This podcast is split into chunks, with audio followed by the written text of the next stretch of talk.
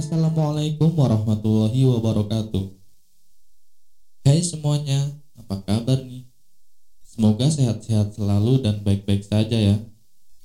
Yang terpenting jangan lupa untuk selalu jaga kesehatan di mana pun kalian berada. Perkenalkan nama saya Zainal, mahasiswa ilmu komunikasi yang akan sedikit berbagi pengetahuan tentang teori komunikasi. Langsung saja ya kita bahas materinya. Apa sih ilmu komunikasi? Menurut Charger dan Chevy, ilmu komunikasi adalah suatu pengamatan tentang produksi, proses, dan pengaruh dari sistem, tanda, lambang melalui pengembangan ilmu yang dapat diuji dan digeneralisasikan dengan tujuan menjelaskan fenomena yang ada hubungannya dengan produksi, proses, pengaruh, sistem-sistem, dan lambang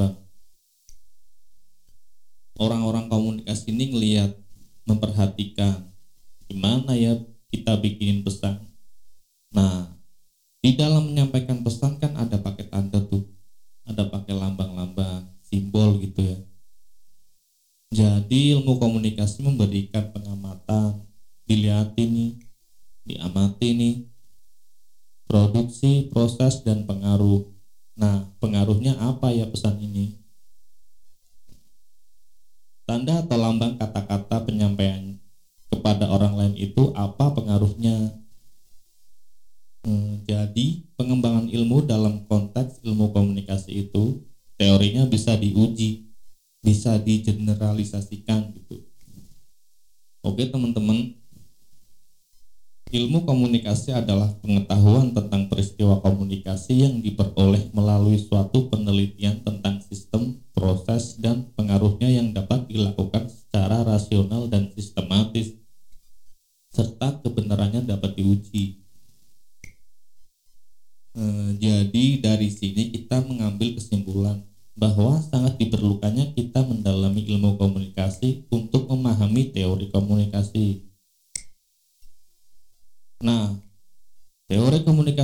istilah dalam ilmu sosialnya yang pertama, teori adalah abstraksi dari realitas.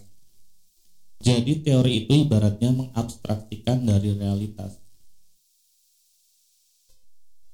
Yang kedua, terdiri dari sekumpulan prinsip dan definisi-definisi yang secara konseptual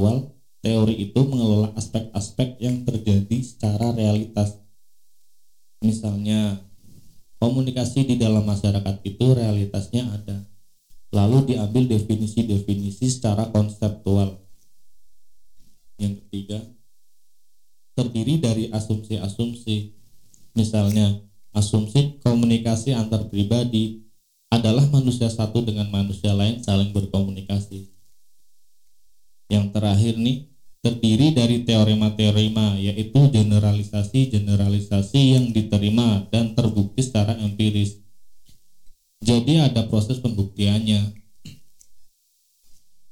Menurut Little John, teori tidak sekedar memberi penjelasan, tapi juga memberikan petunjuk bagaimana cara mengamatinya berupa konsep-konsep operasional yang akan dijadikan patokan ketika mengamati hal-hal rinci yang berkaitan dengan teori. Teori komunikasi adalah teori atau suatu pemikiran kolektif yang didapati dalam keseluruhan teori terutamanya yang berkaitan proses komunikasi. Dan menurut Abraham Kaplan, tujuan teori bukan semata-mata untuk menemukan fakta yang tersembunyi, tetapi juga suatu cara untuk melihat fakta,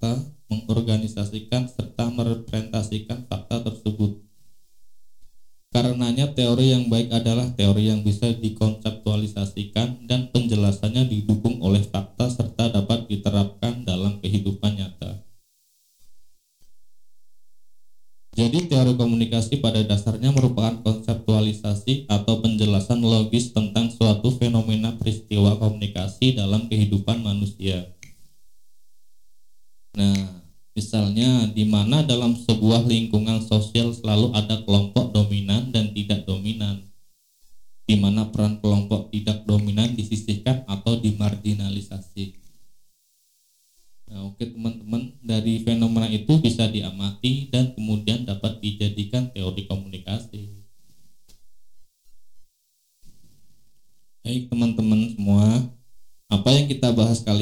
mudah-mudahan bisa memberi dasar untuk ketertarikan kita supaya mempelajari teori-teori berikutnya terkait komunikasi. Oke, tetap semangat.